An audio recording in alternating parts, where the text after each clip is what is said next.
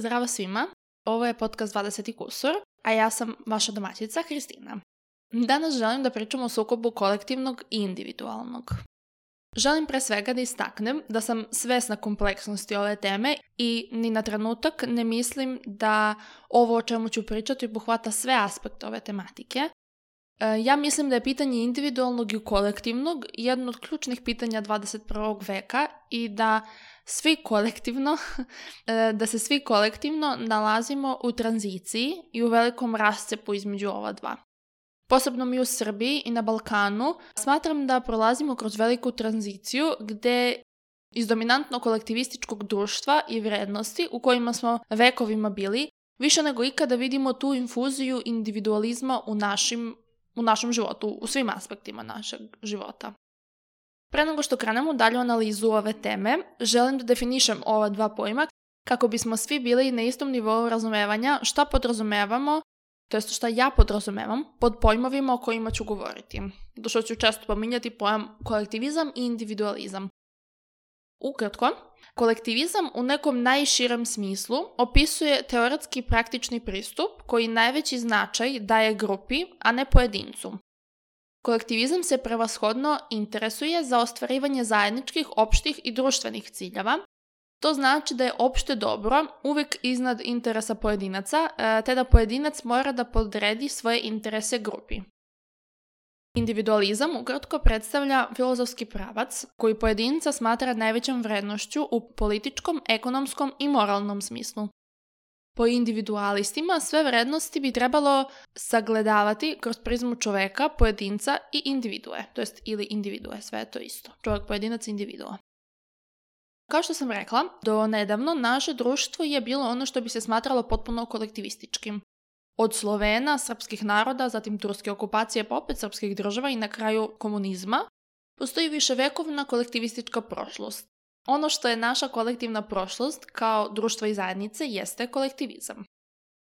Upliv individualizma, koji sam ranije pomenula, prepisuje se uticaju modernog zapada, nečim što kolokvijalno nazivamo zapadom.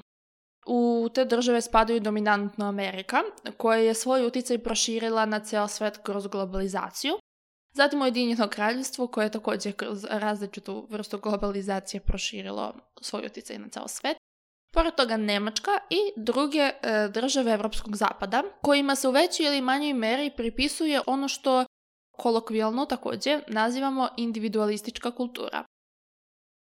Kao što sam naglasila, Dominantan uticaj američke kulture, koja je, pored e, političkih mešanja i bombi obogaćenih osiromašenim uranijumom, na velika vrata Balkana ušla kroz TV ekrane, filmove, serije i muziku, i u naša moderna vremena kroz internet i sve ono što internet sa sobom nosi.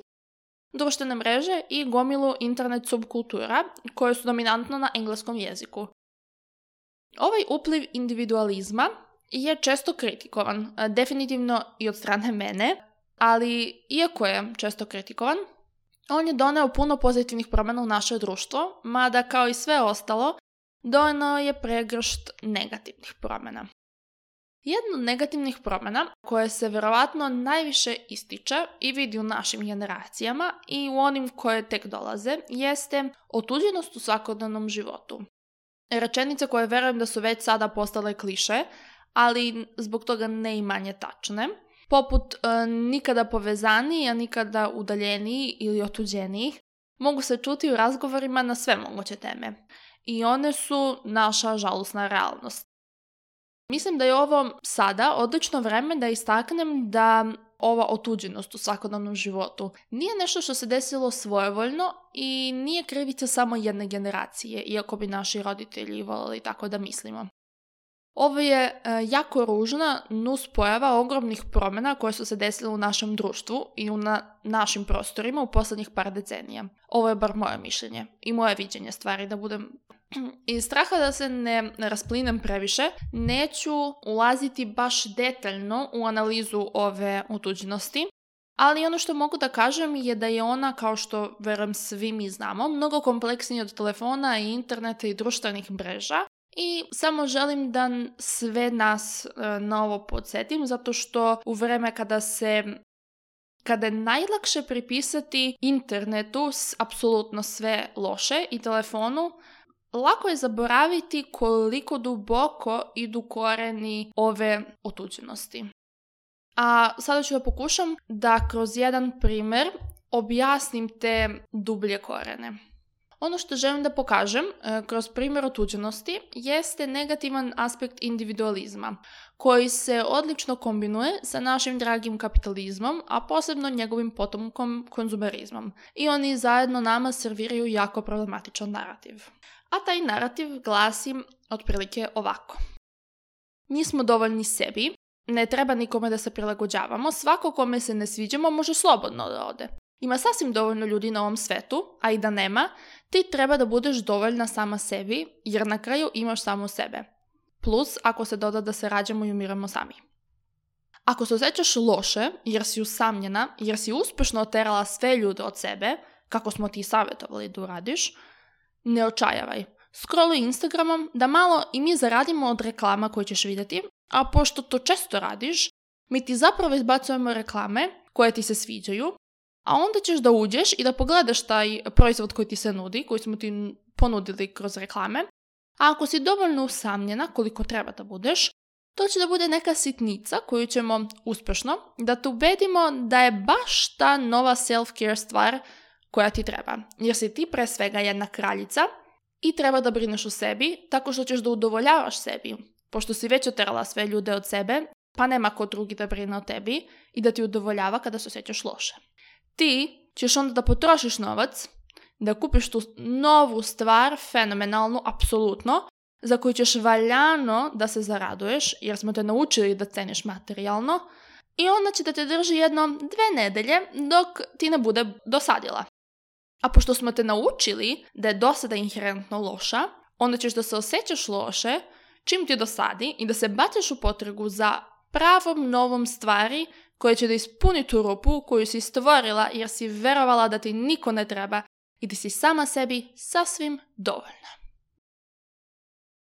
Da li znate kakvu laž i manipulaciju je najteže razotkriti? Onu koju u sebi sadrži istinu, Svaka rečenica koju sam izgovorila u ranijem monologu sadrži dobre ideje. Sadrži ideje koje ćete čuti u kancelariji psihologa, u nekoj filozofskoj misli ili u nekom kvalitetnom umetničkom delu. Mi smo pojedinci, individue sa svim svojim detaljima i osobinama i navikama. Pokušala sam da nađem jednu misao koja mi je stalno na pameti čija koje, da to kažem, prvi rekao. Nisam uspela da je nađem, ali znam da smo je pomenuli na psihologiji ličnosti. Za svaki slučaj ću da je parafraziram zato što mislim da ne ide tačno ovako. Svaki čovjek je isti kao i svi ljudi, sličan kao neki ljudi i različit od svakog drugog čovjeka. Ovo je stav koji, kojim se vodi veći deo teoretičara ličnosti, a posebno onih koji se zalažu za modele crta. Zašto je sada ovo što sam rekla e, bitno za naš razgovor?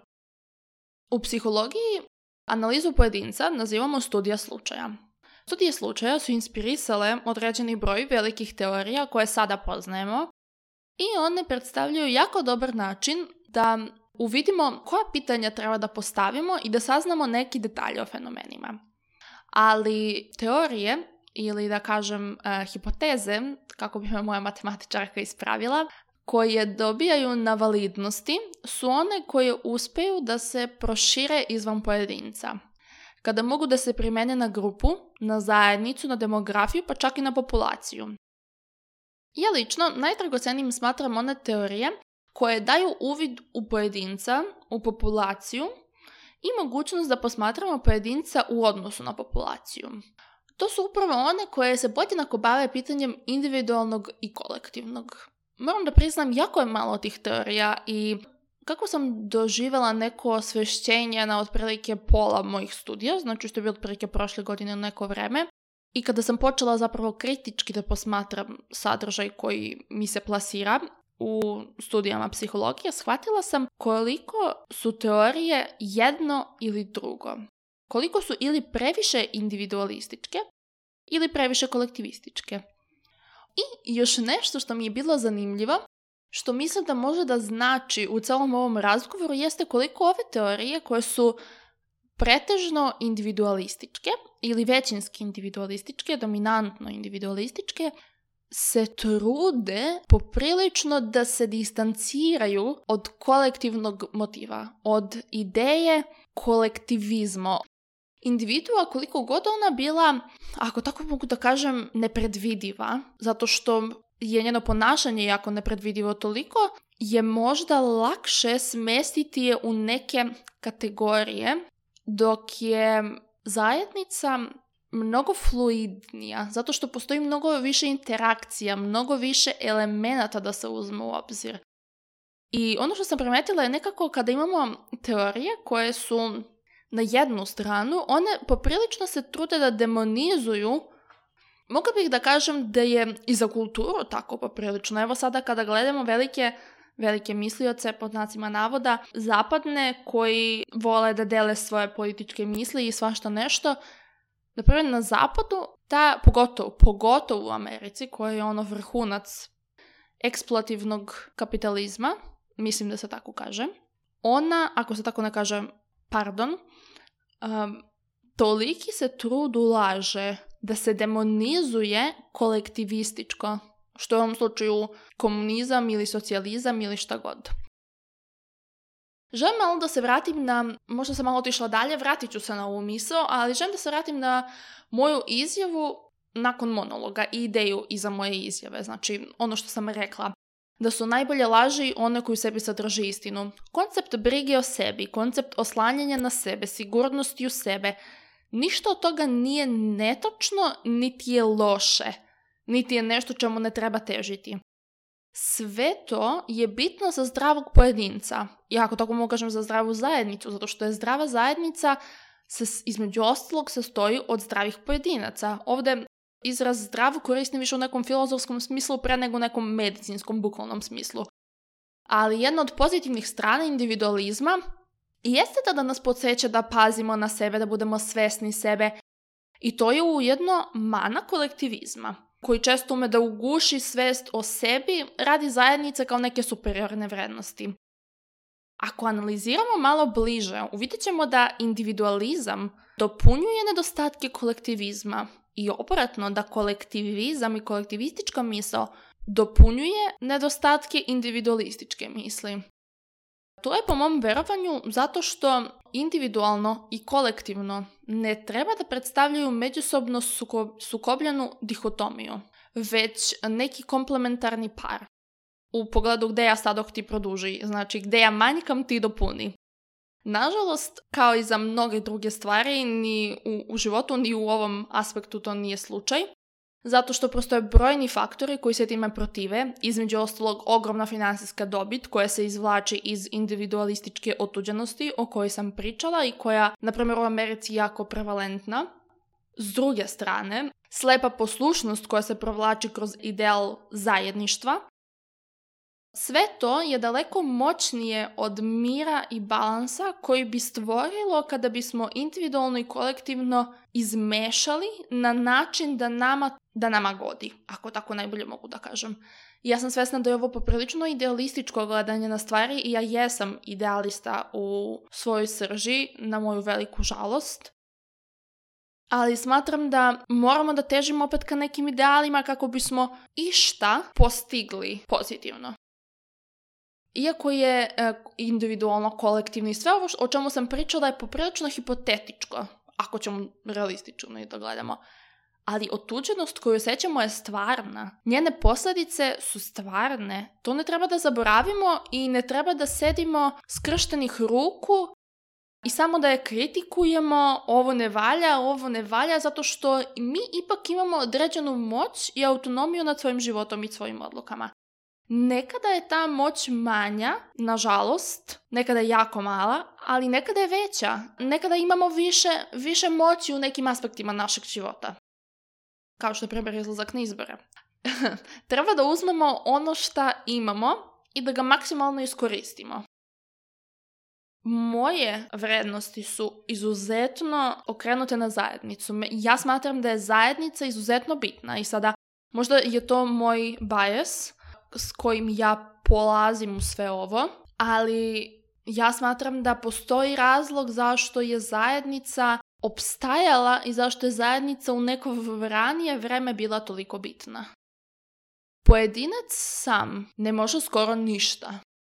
Znam da ovo je vjerojatno suprotno bilo čemu što smo ikada čuli, zato što svi vole da hvale individue, da hvale velike slučaje. Mi obožavamo da hvalimo Novaka Đokovića, pogotovo kod nas u Srbiji, mi obožavamo e, Tita i e, naše druge moderne vladare i da ih hvalimo i da ih, mislim, ne mi mladi ljudi, ali mi ljudi generalno. Mislim da nam je u ljudskoj prirodi da uzimamo nekog pojedinca i da ga stavimo na neki, kako se to na srpskom, na engleskom se to kaže pedestal, da ga stavimo izvan svih i da kažemo ovo je superiorno. Ova osoba je superiorna u odnosu na mene, zato što Možda sada odlazim van teme, ali mislim da je to delom da nama bude lakše zašto mi, na primjer, nismo uspjeli nešto veliko. Kao ta osoba je posebna zato što ona ima nešto što drugi nemaju. To je nekada tačno, ali nekada baš i nije. Nekada je samo sreće ili je samo posvećenost ili mnoge neke stvari koje mi možemo da imamo. Ali da se vratim na temu, sva velika ta imena koja mi čujemo, o kojima se priča, Ona su postala velika za, samo, samo zato što su iza sebe imala zajednicu. Znam da mnogi sada hoće da me demantuju, slobodno, ali evo, vojskovođe su imale vojsku iza sebe koja ih je pratila. Isto tako i vladari. Aktivisti su imali zajednicu koja ih je podržavala. Pisci i mislioci su imali publiku koja ih je slušala i čitala. Džaba ću ja sada da da pričam o najpametnijim stvarima na ovom podcastu ako nema ko da ga čuje. Ako nemam zajednicu koja će da sluša to što ja imam da kažem i da validira moje reči i da da vrednost mojim rečima. Bez toga moje reči su samo reči. Ja ih izgovorim i odoše s vetrom. Nema ih, nestadoše u vazduhu. Zato ja mislim da ako ste žele da me demantujete na ono što sam rekla da pojedinac sam ne može skoro ništa, ovo je moj apel da prozmislite opet. Želim da dam jedan drugi primjer koji je možda dalji, a s druge strane bliži nama. Roditelji naših roditelja nisu imali vrtiće, tako, nisu imali gdje da šalju decu na vrti, u vrtić kada su radili, ali su imali selo. Imali su širu familiju sa kojom su bili jako bliski, i fizički i interpersonalno. Kada kažem fizički, mislim distanca je bila manja između njih. Naši roditelji su jeli u svojoj kući, ali ako u njihovoj kući nije bilo spremno, Otiše su kod tetke koja živi ulicu ili dve niže, ili u istoj ulici, ili u kući pored, i tamo su jeli. Kada su naše bake išle da rade na njivi, sva deca su se igrala na jednom mestu. Ili bi, na primjer, otišla kod jedne, pa bi bili kod nje, pa bi sutradan otišli kod druge, ili bi bili svi tu, negde bi se igrali zato što su sve njive bile jedna do druge. I onda nije bilo bitno u čijoj njivi će deca da se igraju dok stariji rade, zato što su svi tu i svi su gledali svoju i tuđu decu. Moja majka je meni pričala skoro, ja sam, ja sam i um, rekla nešto što ću sada da kažem, kada sam pričala malo o svojim idealima za moju budućnost, šta bih ja žela, koji je moj neki san. Onda je meni pričala o tome kako je ona imala jednu babu, koju, mm, ne babu, tetku, ona meni baba imala jednu tetku koja živi u selu gde živi moja baka, um, koja je i dalje jako bliska s mojom bakom. Ona kaže da je ona nekada išla i po nedlju dana spavala kod te tetke kad je bila mala, tamo imala jednu sestru koja je sličnih godina kao ona. I ona je tamo išla i, nje, i moja, njena majka, moja baka, nije mogla da je dovuču uopšte kući, zato što se tamo njoj više sviđalo. I ona ode kod te svoje tetke, tamo sedi po deset dana, tamo jede, tamo spava, tamo se igra. Iako imala sestru mlađu dve godine s kojom je mogla da se igra kući više, I se sviđalo tamo. I ta tetka nikada nije pravila problem što je ona išla tamo da se igra i tamo da spava i tamo da jede. Jer je uvek bilo mesta za još jednog više ili za dvoje više. Iako ja nisam odrasla u nekoj porodici, ni s jedne strane koja je bila posebno imućna. To su sve bile solidne um, porodice srednje, srednjeg nivoa.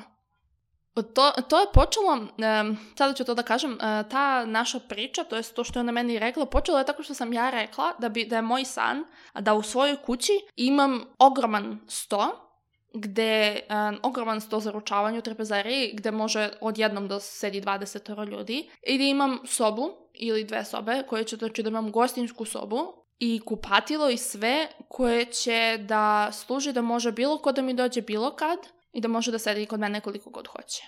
Ja sam svesna koliko kada pričamo danas o tome koliko je to nekako privilegovano deluje, zato što svuda u svetu postoji problem sa stanovanjem Ljudi, i kod nas u Srbiji, ne znam a da li pratite, ako ne pratite Instagram stranica Krov nad glavom, ja pratim i u toku sam sa tim koliko ljudi danas više nego ikada, mislim ranije u nekoj našoj bližoj prošlosti, gubi krov nad glavom koliko se to lako dešava, nažalost, zahvaljujući našem sistemu.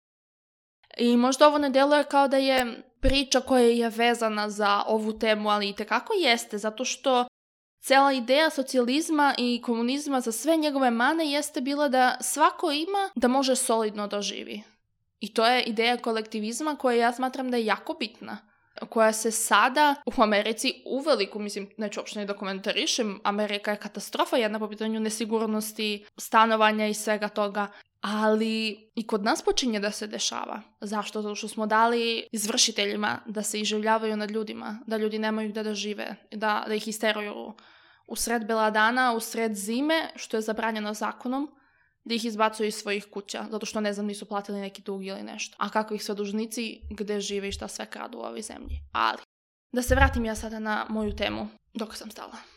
Pričala sam o mojoj majici koja je spavala kod tetke i sve to. Danas se mnogo tih stvari izgubilo. Izgubilo se većinom i dok smo mi bili mali i naši roditelji su se distancirali od svojih prijatelja i od svoje rodbine distanciraniji su vi nego što su njihovi roditelji bili od njihove rodbine. I to je nešto što se desilo donekle i kao posledica prelaska u gradove, odvajanja, sve manjeg života u zajednici. I ja to mogu da razumem. Ja prva ne želim da živim u zajednici u tradicionalnom smislu, u smislu da imam krvu i to ja to ne bih voljela, zato što sam imala loše iskustvo života u zajednici i ne želim to za sebe opet. I sve više ljudi to ne želi zato što, to je duboka tema, možemo da uđemo u to da zato što su ljudi nervozni, zato što imaju manje strpljenja, zašto imaju manje strpljenja, zato što e, mnogo rade, zato što je manje zarađuju, manje imaju, a mnogo rade, umorni su i krug, krug, krug, na kraju se sve dovodi do tog nekog porobljavanja kapitalističkog nas ljudi, da samo radimo, radimo, radimo, radimo, radimo i da smo izgubili osjećaj da živimo. I mislim da to što smo izgubili osjećaj da živimo se vidi poprilično i u našim interpersonalnim odnosima s ljudima, s našom porodicom, s našim prijateljima, da se viđamo samo na slavama, iako između toga sedimo uveče u svojoj kući i gledamo televiziju, umesto da odemo kod nekog prijatelja porodice, da boravimo s njima, to ne radimo zato što smo mi umorni i zato što su oni umorni, i onda je lakše da se isključimo tako što ćemo da gledamo televizor nego da se posvetimo ljudima zašto smo umorni zbog svega što se dešava.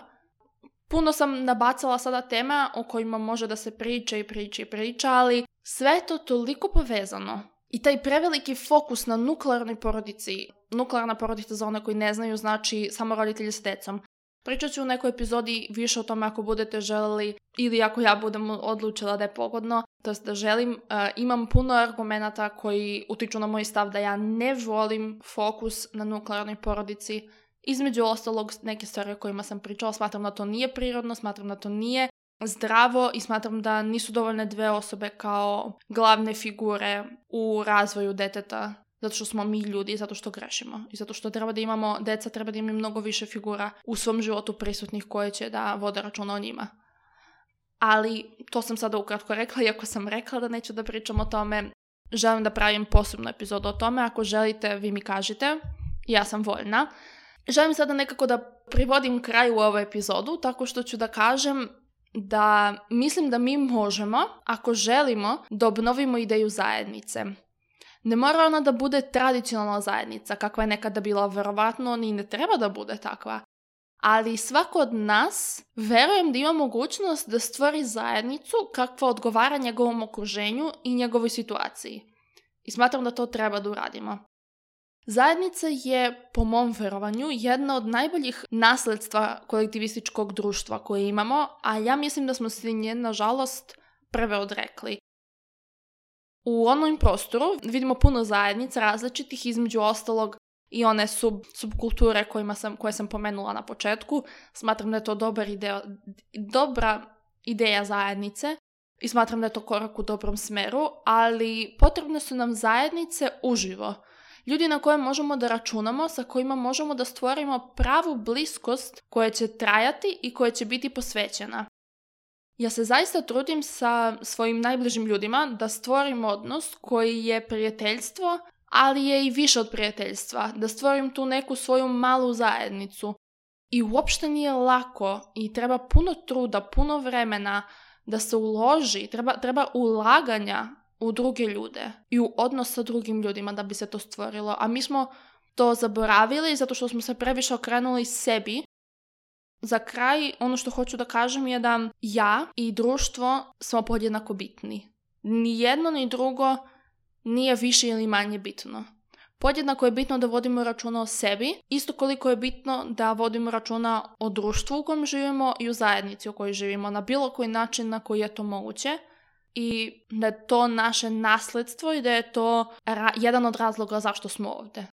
Da živimo svoj život, ali da pomognemo drugim ljudima da žive što bolji život. Nadam se da sve što sam rekla je značilo nekome, bilo koji deo, bio, bilo čega, zato što ideja ove epizode jeste bila da, da otvorim ovu bitnu temu o kojoj ću tek da pričam i o kojoj imam puno šta da kažem, mnogo šta da kažem. Moram da naučim sada e, da, kada se kaže puno, kada se kaže mnogo i da zapamtim i da više ne grešim. Hvala što me trpite sa mojom nepismenošću. U svakom slučaju, e, to je to za ovu epizodu. E, pišite mi kao i uvek komentare ispod, pišite mi vaša mišljenja direktno u porukama. Stvarno bih voljela da čujem. Svaki feedback mi je značajan i dobar i loš. Sve, apsolutno, ideje za neke naredne epizode, sve. Tako da, to je to za danas i čujemo se u sledećoj epizodi. Pozdrav!